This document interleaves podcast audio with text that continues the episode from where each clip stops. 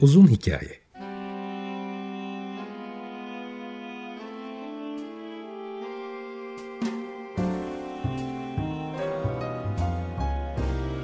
Sinir bilim, psikoloji, felsefe ve müzik.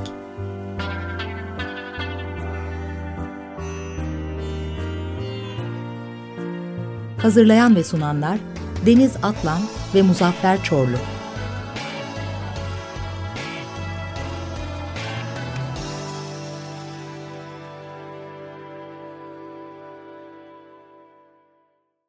95.0 Açık Radyo'dan, Açık Radyo.com.tr ve onun uzun hikayesinden herkese günaydın. Bugün Muzaffer'le birlikte bir program yapacağız. Hem bugüne kadar yaptığımız programların özeti gibi, birazcık toparlaması gibi, bundan sonraki yapacağımız programların da birazcık habercisi gibi.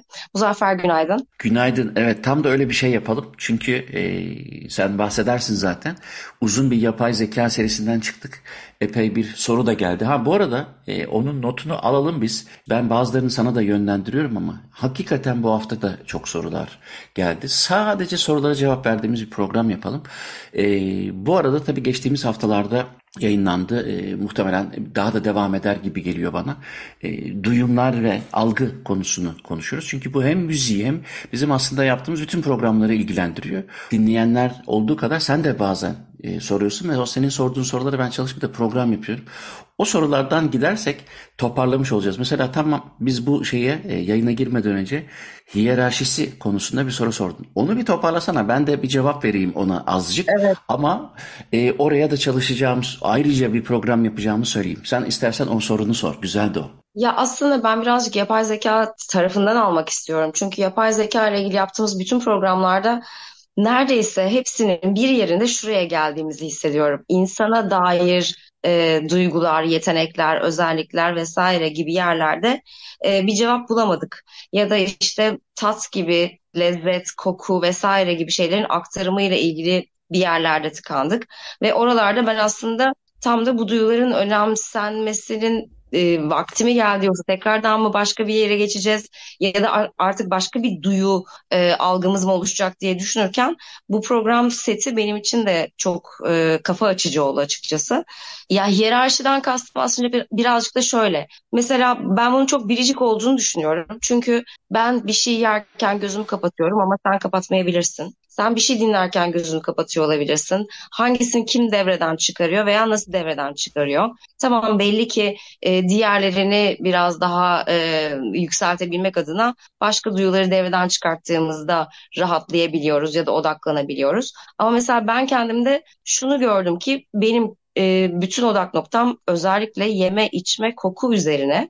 Dolayısıyla hani ışık ve ses beni rahatsız eden unsurlarmış. O yüzden de hayatımda bunları minimumda kullanmaya çalıştığımı gördüm. Ee, mesela bu benim için değişik bir farkındalık yarattı. Sonrasında da şunu düşünmeye başladım. Acaba herkes için böyle mi yoksa bu hiyerarşi neye göre? Evrimsel süreci gözettiğimizde neye göre? Ya da işte e, Cen'in ana rahminde hayatına başladıktan sonraki e, duyuların sıralaması, öncelikleri sonrası nasıl gelişiyor? Ve tabii ki de son soruya da geleyim. Yine Vedat Ozan'la yaptığınız programda insanların e, daha doğrusu artık iki ayak üzerine kalktıktan sonra görmenin diğer duyuları domine etmeye başlaması bütün bunlar benim için bu soru işaretini yarattı. E, dolayısıyla da bence duyuların hiyerarşisi diye bir şey bir program bence çok manalı olabilir diye düşündüm. Olur. E, evet çünkü aslında şu açıdan önemli söylediğin her zaman olduğu gibi böyle antik Yunan'a Aristo'ya kadar bile giden bir konu bu. Çünkü şimdi duyular dediğimiz zaman aslında kabaca beş tane deniyor ama bu da tartışılır. Biz tartışmayalım. Hani konu konuyu açmasın. E, bir e, sadık kalalım e, şeye, merkeze. Oh. Görme, duyma, koku, dokunma ve tat gibi beş tane ana duyudan bahsedilir ya. Tabii biz benim işim daha çok birinci olarak, birincil olarak duymaydı. Fakat duymayla koku arasındaki ilişki hani hep anlattık ya işte bu nörodegüstasyon konularında, nörogastronomi konularında hangi sesler çıtırdılar, niye bizi öyle algılamamıza yol açıyor. Sonuçta tatla mutlaka koku birbirine giriyor. Kokuyla ses birbirine giriyor. Sesle e, tat birbirine giriyor. Yani cipsin tazeliğine önce sesinden karar veriyoruz mesela. Görmeyle de hani hep Tarantino'dan, Coen kardeşlerin ya da filmlerden de bahsettik. Dolayısıyla benim bakış açımdan merkeze ben duymayı aldığım zaman diğer geri kalan dördüyle de organik e, bağı olduğunu görüyorum. Ve bunların sine, sinestet bir şekilde birbirine bağlı olduğunu hepimiz biliyoruz. Fakat e, klasik anlamda bu beş tane duyuya baktığım zaman biraz önce saydığım sıralamada Aristo bunları önem sırasına göre diziyor. Yani diyor ki dominant duyular Aristo'ya göre. Birincisi e, görme, ikincisi duyma, üçüncüsü koku, dördüncüsü e, dokunma ve beşincisi e, tat. Şimdi buna evrimsel e, biyologlar çeşitli cevaplar veriyor. Şimdi bunların hangisi bizim ayakta kalmamıza yol açtı? Şimdi bu sorunun cevabı çok zor ama zamanlaması belki biraz daha hani hangisi önce bizim için tehlike yarattı ya da ayakta kalmamıza yol açtı sorusuna bir cevap verebiliriz. Örneğin görme. Vedat Ozan'la koku konusunu yaptık ya e, hani e, onu kaçırmış olanlar varsa hem Spotify'dan dinleyebilir ya da YouTube'dan görüntülü seyredebilirler. Vedat Ozan e, hakikaten Türkiye'de kokuyla ilgili çok akademik çalışmış iyi bir entelektüel. Çok şey öğrendiğim bir programdı. Onun söylemesiyle uyandığım bir şey oldu. O da işte bu iki ayak üzerine kalkmamızdan sonra e, bizim uzaktaki nesneleri tehlike de olabilir bu ya da bizim hani yeme içme e, hayatta kalmamız için gereken yemişleri ya da işte avlayacağımız avları görmemize de yol açacağı için e, iki ayak üzerinde olduğumuz zaman kokudan ziyade göze geldiğimiz yani görmeye e, odaklandığımızı anlattığında sonra araştırdım. Yani hem haklı hem e, iyi bir e, yani reddedilmesi zor bir iddia. Fakat bu sadece bu şeye de yaramıyor. Yani e, evet görme biz iki ayak üzerine kalktığımız zaman e, bize e, bir avantaj sağlamış olabilir. Dezavantajlarına hiç girmiyorum. Erken doğumdan tut da işte çocuğun anneye çok daha fazla bağımlı olmasından tut da işte yerleşik düzene geçmeye yol açacak kadar bir takım sosyal e, ve sosyal psikolojik farklara hiç girmiyorum ama avantajı ne? Evet daha uzağa görüyoruz ama daha uzağa gördüğümüz zaman ışık hızının ses hızından da hızlı olduğunu düşünürsek bir yırtıcıyı bizim hayatımıza e, kastedecek bir yırtıcıyı sesini duymadan görmek mümkün oldu. Aynı şekilde e, yeteri kadar uzakta olduğu için kokusunu alamayacağımız bir e, ormanı mı diyeyim ne, nesi olur meyvenin çalılığı mı olur meyveleri görmemize yol yani dolayısıyla görmek aslında e, Aristo'nun belki bu yoldan çıkarak söylediği bir şeydi fakat yapılan bazı araştırmalar var onları o programda ayrıca konuşurum. O da şu, beynin işte tat alma, görme, duyma gibi bölgelerinden hangisi önce gelişti, hangisi daha belirgin, daha hangisi daha dominant e, görebilmek mümkün. Buradan yola çıkarak da bu hiyerarşiyi kurabiliriz. Fakat bu ne kadar doğru olur? İşte ben bu noktada e, o konuya biraz soğuk bakıyorum. O hiyerarşi kültürden kültüre değişecektir. Örneğin yeni yapılmış bir çalışma gördüm geçenlerde. Bu programa alış, e, hazırlanırken duyular ve e, algı ile ilgili yeni şeyler var mı diye şeyi gördüm ve çok şaşırdım mesela. Bazı kültürlerde çanak çömlek yapmanın önemli olduğu kültürlerde işte bazı Afrika kabilelerinden bahsediyorlar, bazı Anadolu e, toplumlarından bahsediyorlar. Türkiye'de hali hazırda bazı e, köylerde mesela çanak çömlek yapımının çok olduğu köylerde büyüyen, büyüyen çocukların etrafındaki geometrik şekillere çok daha fazla dikkat ettiğini görmüşler. Aynı şekilde Proust'un bir hikayesinde işte bir yeri anlatırken cookie ne oluyor? İşte bir kurabiyeden yola çıkarak e, bizim orayı yani o kültürü bilen için orayı hatırlatan bir şey oluyor. Ya da mesela ben Çengelköy'ün fırınındaki simidi çok severim. Onun, onun önünden geçerken o simidin kokusu beni çok mesela etkiler. Ee, senin annenin de o eskiden eczanesinin iki yan dükkanından bahsediyorum yani. Yani üç yani o kadar yakın. Annen iyi bilir orayı.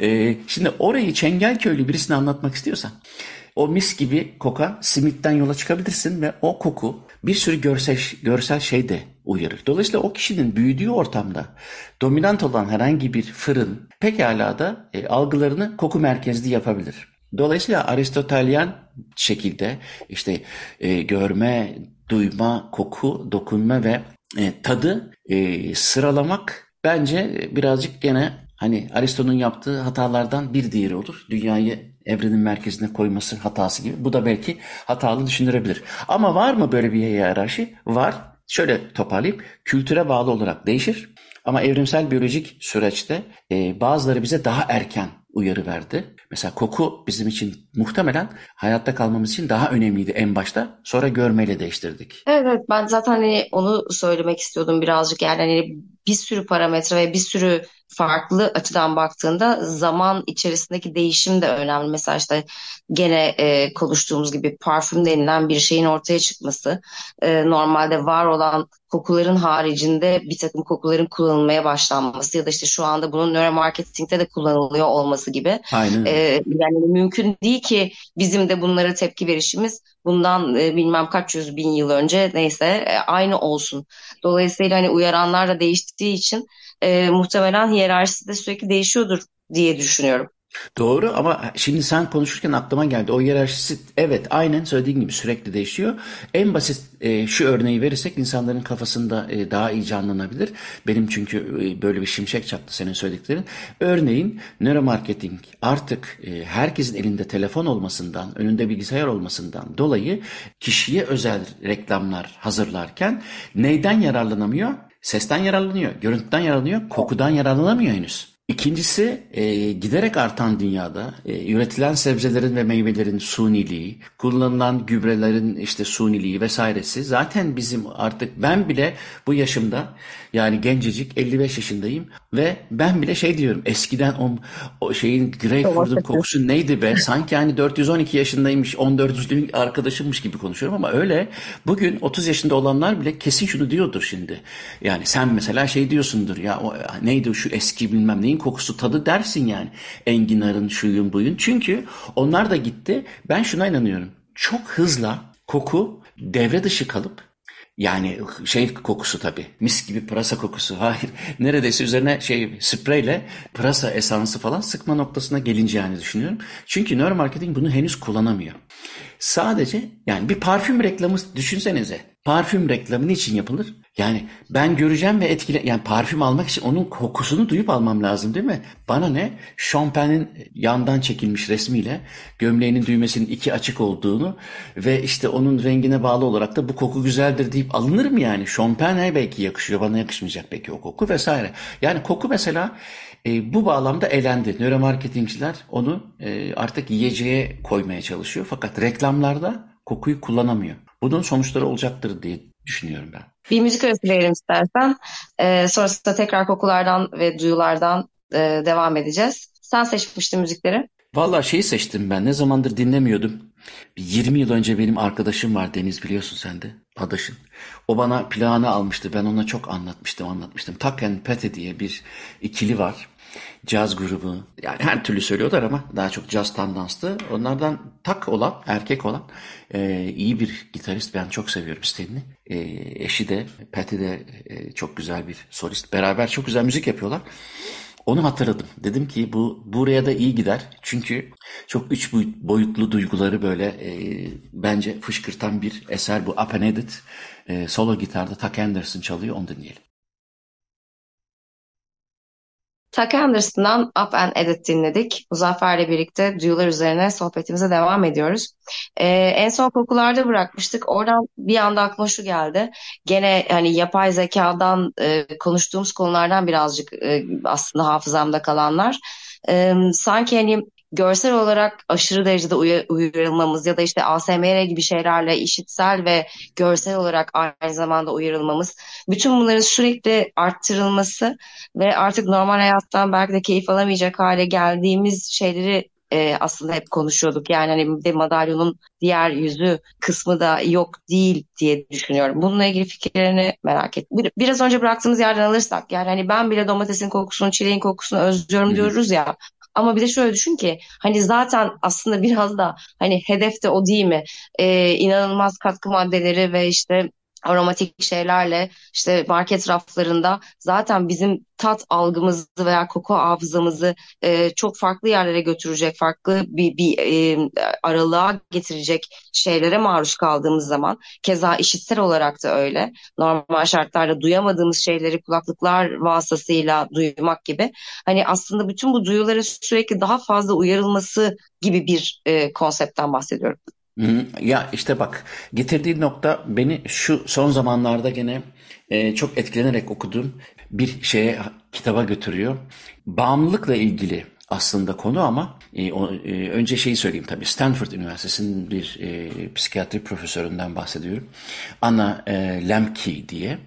Eğer bağımlılıkla ilgili çok detaylı ve bana göre çok doyurucu bilgiler ve hakikaten de e, insanın e, bakış açısını değiştirebilecek bilgilerin sahip olduğu e, yeni bir kitabı var. 2021-2022'de yani bir, bir sene falan bir buçuk sene önce çıktı. E, Amerika'da da bestseller oldu. Böyle kitapların bestseller olması çok hoşuma gidiyor. E, Dopamine Nation adında bu kitap. Ve Dopamine Nation'ın bazı yerlerinde e, tam da senin dediğini anlatıyor. Yani her şey o kadar paketlenip ekstra, ultra bu hani Cem Yılmaz'ın şey var ya Elite Diamond bilmem ne hani o gösterisinin bir adı var böyle sen sen var ya sen hissi veren. Hepimizde böyle bir yani zaten bağımlılık kaçınılmaz bir şey. Bizim bizim için bağımlılık bir köşenin her köşede bir bağımlılık şeyimiz var. Zaten e, suya bağımlı olduk, anneye bağımlı olduk, süte bağımlı olduk, yemeğe bağımlı olduk, havaya bağımlı olduk. E, dolayısıyla bağımlılık o kadar kötü bir şey de değil aslında. Yeter ki e, senin ayakta kalmanı sağlasın. Yeter ki kötüye kullanılabilecek noktalara gitmesin. Ama maalesef sistemimizi öyle bir kurduk ki e, çok güzel paketlenmiş. E, zehirlerle dolu her taraf. Kimse e, artık ne kadarını kullanmalıyım. Ya bu bir davranış da olabilir bağımlılık yapan bir madde de olabilir. Hiç önemli değil ne olduğu ama her türlü kötü kullanışın yanlış olduğunu bildiğimize göre buna bu konunun uzmanları, psikiyatri uzmanları, özellikle e, sinir bilim uzmanları zaten onların alanı olduğu için daha iyi cevap verir. Bizim programa biliyorsun onlar geliyor ve anlatıyorlar. Fakat e, Anna Lemke'nin kitabında senin söylediğin şeyi çok direkt olarak söylüyor. Daha fazla istemek aslında bizim beynimizin pitbollarından birisi. Yani öyle bir handikapımız var. E, hemen tolerans sağlıyoruz. Aynı şeyin bize tat vermesi, zevk vermesi bu bir davranış da olabilir. E, bir daha yapıldığında düşüyor. Aynı espri ikinci kez yani daha fazla güldürmüyor. Giderek daha kötüleşiyor.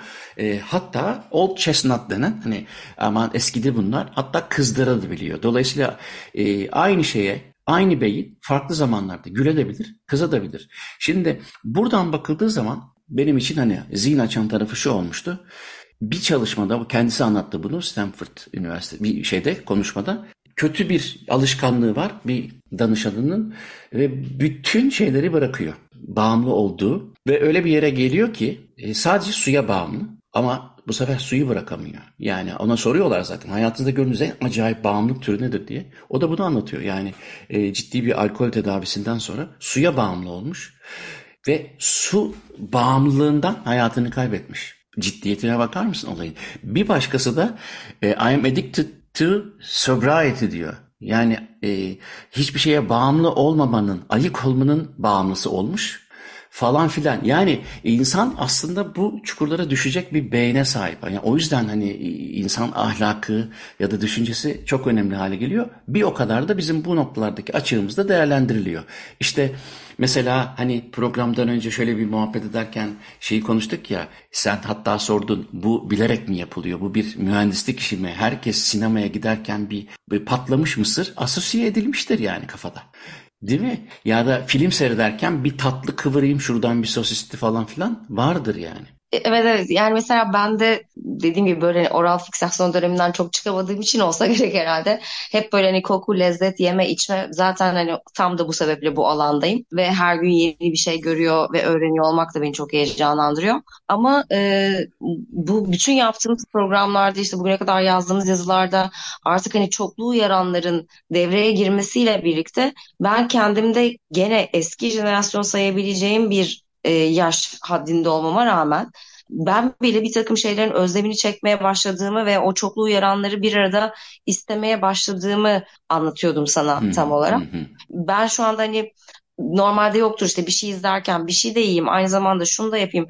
Öyle bir insan değildim açıkçası. Ama şu anda e, yorgun değilsem işte uyumak için canım çikolata çekiyor ya da işte bir şey okumak istediğimde e, bir şey yoksa başka bir şeyin eksikliğini hissediyorum falan gibi bir türlü tam olamıyormuşum gibi bir hisse kapılmaya başladım. E, bunun da zaten çok fazla uyarılmakla alakalı olduğunu düşünüyorum eksik olduğunda ihtiyaç duyuyor olmak bu gecenin üçünde kahve de olabilir hiç önemi yok. E, açıkçası beni e, tedirgin eden bir şey olmaya başladı. şöyle de bir şey var. Mesela e, hani aslan kovalamıyor bizi. Önümüzde de e, akşam ne yeriz, yarın ne yeriz, üç gün sonra ne yeriz gibi bir e, kaygı da yok. Ve insana Maalesef şu da öğretilmiyor bizlere ve biz de öyle aktarmıyoruz. Can sıkıntısı denen dünyanın saçma şeyi var mesela. İnsanın canı sıkılmaması gerekir değil mi? Neden canın sıkılabilir? Can sıkıntısı ne demek? Hangi hayvanın canı sıkı? Ya aylak aylak dolaşan kedi gördün mü sen ya da martı böyle ne yapayım ya aman boş ver bugün uçma uçsan ne olacak? öyle bir martı yoktur ama insan var. Çünkü bu dopamin nation'ında Anna Lemke onu çok güzel anlatıyor yani. Aslında yani yüzlerce kitap var bunu anlatan ama ben orada birazcık uyandım. Çünkü yani no pain no gain tamam bir şey e, eğer insanlar daha fazla keyif almak. Bu arada kendime de söylüyorum bunları. Sanki bunları aşmışım gibi konuştuğum sanılmasın. Kelin ilacı olsa başına sürer. Onu parantezi kapatayım. Ama hakikaten şöyle bir şey var. Giderek daha fazla uyara bizim görselle başlattığımız bir şey bu internet devriminden sonra. Yani telefonuna bakmayan yok ve ben bak Belçika'da yaşıyorum. Telefon ve internet kullanımı gerçekten Türkiye'ye göre çok daha düşük. Sosyal medya kullanımı çok daha düşük. Bunu ben gözlemliyorum. Ben e, grup olan derslerimde ara veriyorum ve e, burada ilkokul öğrencilerine yasak telefon. Sonrasında ortaokul öğrencilerim ve ondan daha yukarıdaki öğrencilerim eğer grup dersindeysem e, bir beş dakika ara veriyorum. Bir kahve molası verdiğim anda herkes silahşörler gibi şaş çıkırt diye telefonlar çıkıyor ve scroll down'lar, up'lar yapılıyor. Ve bu tamamen artık e, bilinçli, iradeli bir davranış değil. Oradaki yani ne görecek ki Allah'ını seversen? Yani bir, bir tane e, birisi ilginç bir şeyden bir yerden atlayacak, öbürsü işte kekin içine mum söndürecek. Ya, artık zihninin alabildiği şeyleri görecek fakat ona ihtiyaç duyacak hale geliyor 12-13 yaşındaki çocuk telefon kullanımından 6 ay sonra. Şimdi sen bu kişiye Rüzgar gibi geçti filmini koy, e, intiharın eşine gelir bu kadar az uyaran o işte bir yarım saat onunla ona bakacak falan artı senin dediğin gibi hani bu kadar uyaran ne olursa olsun sonuçta hadi belli başlı dopamin diyelim sadece o nörotransmitter değil tabii bağımlılık yapan ya da işte etkili başkaları da var ama hadi ona atalım suçu dopamini sen daha fazla tetikleyemezsin yani. Mesela bazı davranışlarda hadi ona katlıyor. Çok çok daha tehlikeli olan maddelerde bine katlıyor. Niye? Bin kat daha dopamin sen bir kere e, verdiğin zaman sisteme ondan sonra onun kendine gelmesi senin tekrar e, tonik düzeye dönmen hem zaman alıyor hem de zaman alırken de bu withdrawal etkisi nedir? E, yoksunluk etkisi çok daha güçlü olmasına yol açıyor. En basitinden bir filmi seyretmek için bile e, filmin uyarısı yüksek olsun diye sinemanın ışıkları gereksiz yere inanılmaz karartılıyor. Kapkaranlık bir odada sadece ışık kaynağına bakıyorsun. Bu bir defa çok yorucu bir şey. Böyle bir şey yok ki doğada. İki, e, sen satın al diye e, güzelim patlamış mısırların kokusunu böyle 400 metre ileriye atacak fanlarla e, zaten çocuklarda bir hepsinin elinde var. Tamam. Bir de üstelik Amerika gibi e, bu gıda genel gıda anlayışının kötü olduğu ülkelerde buna şeker de konuyor. E şimdi elinde mısır var. Onun çıtırtısı, içindeki şeker, hadi tuz da olsa çok önemli değil. Bu kadar sodyum da gerekmiyor. Onun tadı, dilin uyuşmuş zaten. Yani bir kova ben bir çocuk gördüm. E, göbeğinde tutuyor mısırı burnuna kadar. Neyse şir, şirinleri seyredecek dört yaşında. Çocuktaki bombardımana bak. Yani karanlık ortamda rengarenk, fazla ışık, fazla müzik, elinde fazla yiyecek, fazla çıtırtı, fazla tuz. E şimdi bu kişi büyüdüğü zaman sonuçta sen ona hep daha fazla vermek zorundasın.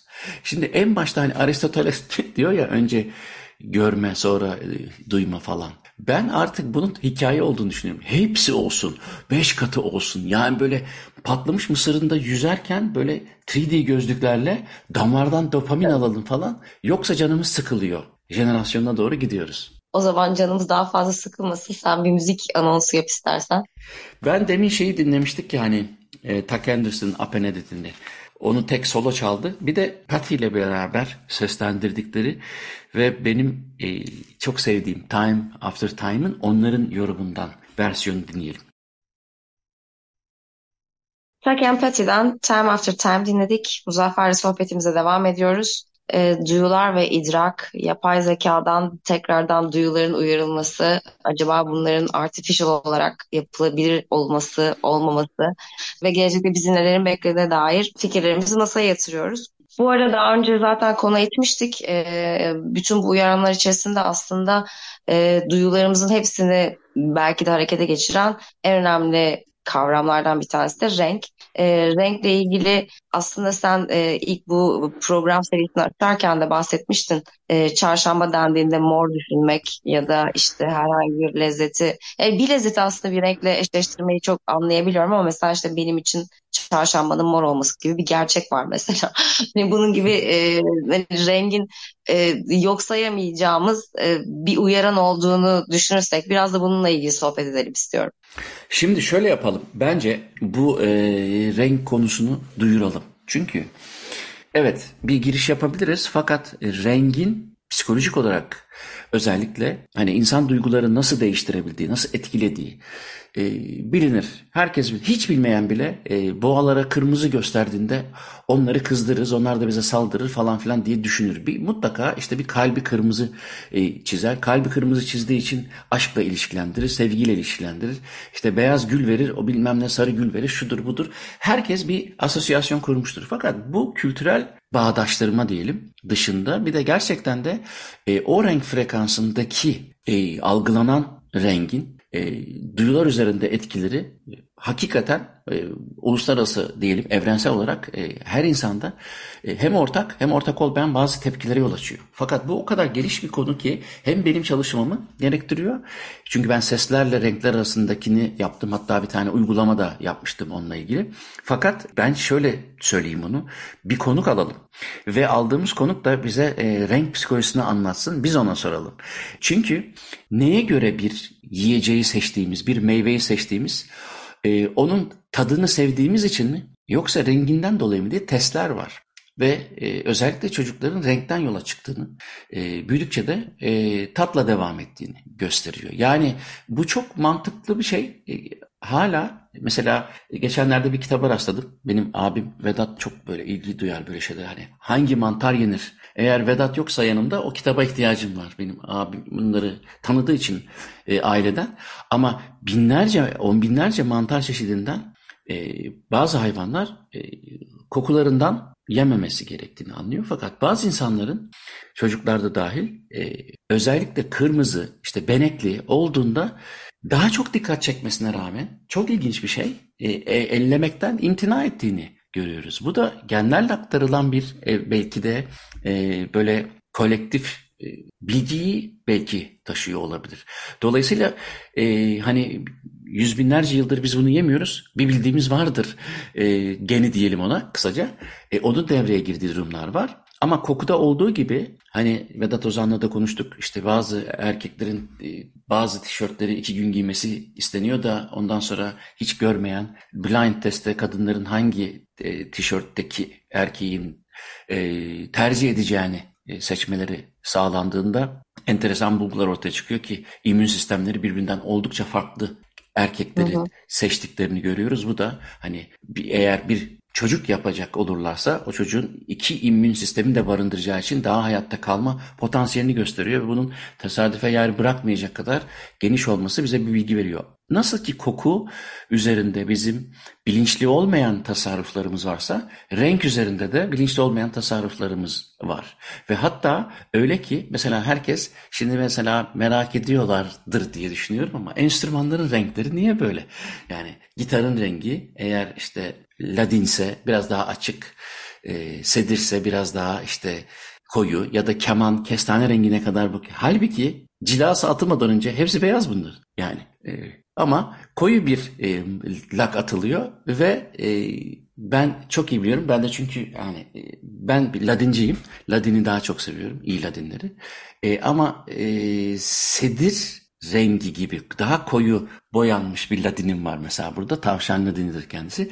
Daha koyu olduğu için rengi sedir çağrıştırıyor ve duyduğum ses ladindeki o parlak e, böyle cazır cazır ne derler ona? Cazır cazır diyelim hani şey crispy, çıtır çıtır sesin e, sedirdeki o böyle daha olgun, pekmez kıvamındaki halini bana o renkten çağrıştırıyor. Ama ilk acaba niye şey amatiler, Stradivari'ler bu bildiğim güzelim e, hani çok çok çok açık krem rengi neredeyse beyaz kadar krem rengi niye kahverengiye boyadılar? Çok ilginç gelmiyor mu? Bana çok ilginç geliyor. Ve artık bizim için keman, keman rengini bir düşünün. Aşağı yukarı, üç aşağı beş yukarı aynıdır. Ama niye o renk? O renkten ötürü mesela e, hani ben ucuz enstrümanları bazen e, denemeyi seviyorum. Çok ucuzları. Mesela işte fabrikada yapılmış. Tanesi 50 euro. E, fakat bazen aralarından böyle 2000 euroluk sesler çıkıyor. Ama renkleri o kadar dandik ki çünkü ucuz cilayı vurmuş. Bildiğin şey gibi yani böyle hani adi mobilya tahtası gibi duruyor. Evet. Fakat sesi ses algısını değiştiriyor. Al sana işte deney. Yapılmış bir deney. O yüzden bu örneği veriyorum. E, enstrümanların rengine bakarak ağacın kalitesinden yani adam hayatında ağaç görmemiş yani. Ama e, o ağacın üstündeki ım, damarlarından bahsetmiyorum. Renginden karar veriyor insan kalitesine enstrümanın bile. Dolayısıyla o kadar karmaşık bir konu ki hani neresinden e, ele alacağımızı bu işin uzmanına bırakırsak bize en azından güzel soru sorabiliriz gibi geliyor. Evet ya bu işte aynı şey hep konuştuğumuz hikaye değil midir? İşte bir e, aynı ürünün daha natural tarafının e, işte eğer öne çıkartılması gerekiyorsa o ambalaj parlak değil de daha mat ele dokunduğunda daha böyle e, soft bir hale getirilir. Dolayısıyla hani demin anlattığın bütün gitar kasaları ben de hani ona göre farklı bir takım çağrışımlar yapıyor. Yani hani peki işte esas zaten bu asosyasyonları nasıl kuruyoruz kısmı da bence yeteri kadar enteresan. Çünkü mesela hani e, gene hiyerarşiye gidersek e, benim çocukluğumla ilgili hatırladığım tek şey her bulduğum şeyi ağzıma atmak ve hani tadına bakmaya çalışmaktı. Yani mesela hatırlıyorum böyle küçük heykeller vardı. E, hepsi birer besteci heykeliydi. Yani ne bilmiyorum bir çocuk tepkisi olarak ilk başta ne yapılır ama ben onun altını yaladığımı hatırlıyorum ve e, çok iğrenç bir limon tadı gibi bir şey olduğunu ve dilimin kabardığını hastanelik olduğumu hatırlıyorum. Dolayısıyla demek belki ya bende bir problem var gerçekten ama e, bu hiyerarşi metası hala benim kafamı kurcalıyor. Çünkü sadece eğer Ama bak, biz görelim Özür dilerim. Hani o orayı geçme çünkü dedin ya o heykelin altını yaladım diye. Ee, çocukların özel hani bazı e, aralıkların yaş bazı yaş aralıklarında e, nesneleri tanımak için ağzına götürdüğünü görüyoruz. Yani illa bunu hani oral döneme e, de getirmeye gerek yok. Çünkü oradaki şeylerin daha sağlam ipuçları verdiği dönemde çocuk. Yani gördüğünde kare olduğunu anlamasından ziyade ağzına sokup şeklini sertliğini ve ona göre maddeyi anlamaya çalışması da zaten aslında hepsinin birbirine girmesinin hani bence e, sebebi gibi yani anlamamıza yol açıyor en azından. Evet yani bir de bu arada hani benim için çok da fazla bir şey değişmedi onu da söyleyebilirim. Yani hani bir şeyle ilgili bu nasıl bir madde diye anlamak istediğim zaman ilk yaptığım şey götürüp dişime vurmaktır. Ee, benim bir şeyin hani mukavemetini neyse işte hani dokusunu vesairesini anlamakla ilgili hala ben bu ilkel yöntemle ilerliyorum. O zaman bir müzik arası daha verelim dilersen. Sonra da toparlayalım. Ne dinliyoruz? Herbie Hancock'un yorumuyla dinleyelim Cantaloupe Island. Sonra devam ederiz. Herbie Hancock'tan Cantaloupe Island dinledik. Muzaffer'le bir programın daha sonuna geldik. Ee, biraz aslında yapay zekadan duyulara kadar yaptığımız programların e, genelini toparladık. Bunların duyular üzerindeki etkilerine dair bir takım e, noktalara dikkat çektik. E, ve bu şekilde de devam edeceğiz e, alanında uzman konuklarla birlikte. Muzaffer çok teşekkür ederim. Çok keyifliydi benim için her zamanki gibi. Evet evet güzel oldu. E, lütfen yazın e, Muzaffer Corlu Gmail'e ya da Deniz Atlam Gmail'e. E, bu arada cevap vermediklerimiz oluyor arada evet ama bir program yapacağız yakında. Bütün o sorulara tek tek cevap vereceğiz. Bazılarını e, geçen hatta şu Marie Antoinette'in bir gecede e, saçlarının beyazlamasına ilişkin. Onunla ilgili bir şey söyleyebilir miyim? Açıkçası o soru bende şöyle bir e, başka bir program aslında canlandırdı.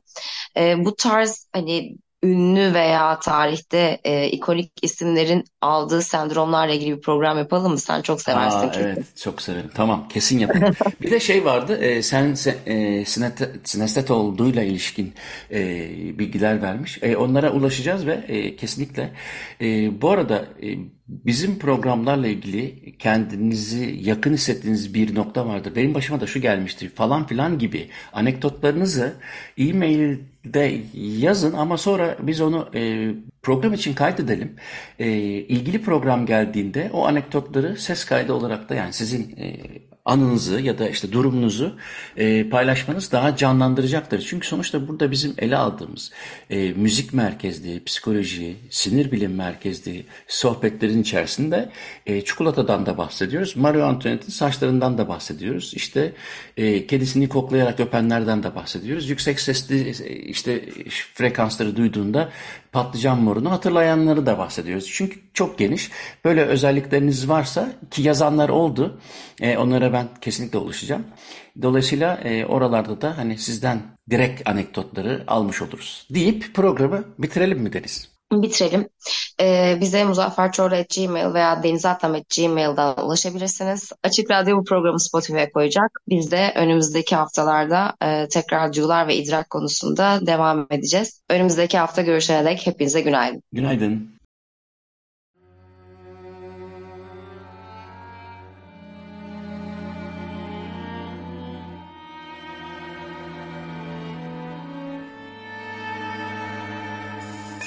Uzun Hikaye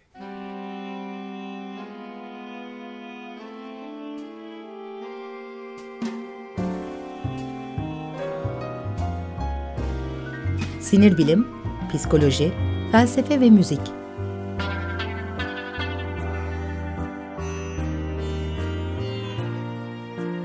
Hazırlayan ve sunanlar Deniz Atlan ve Muzaffer Çorlu.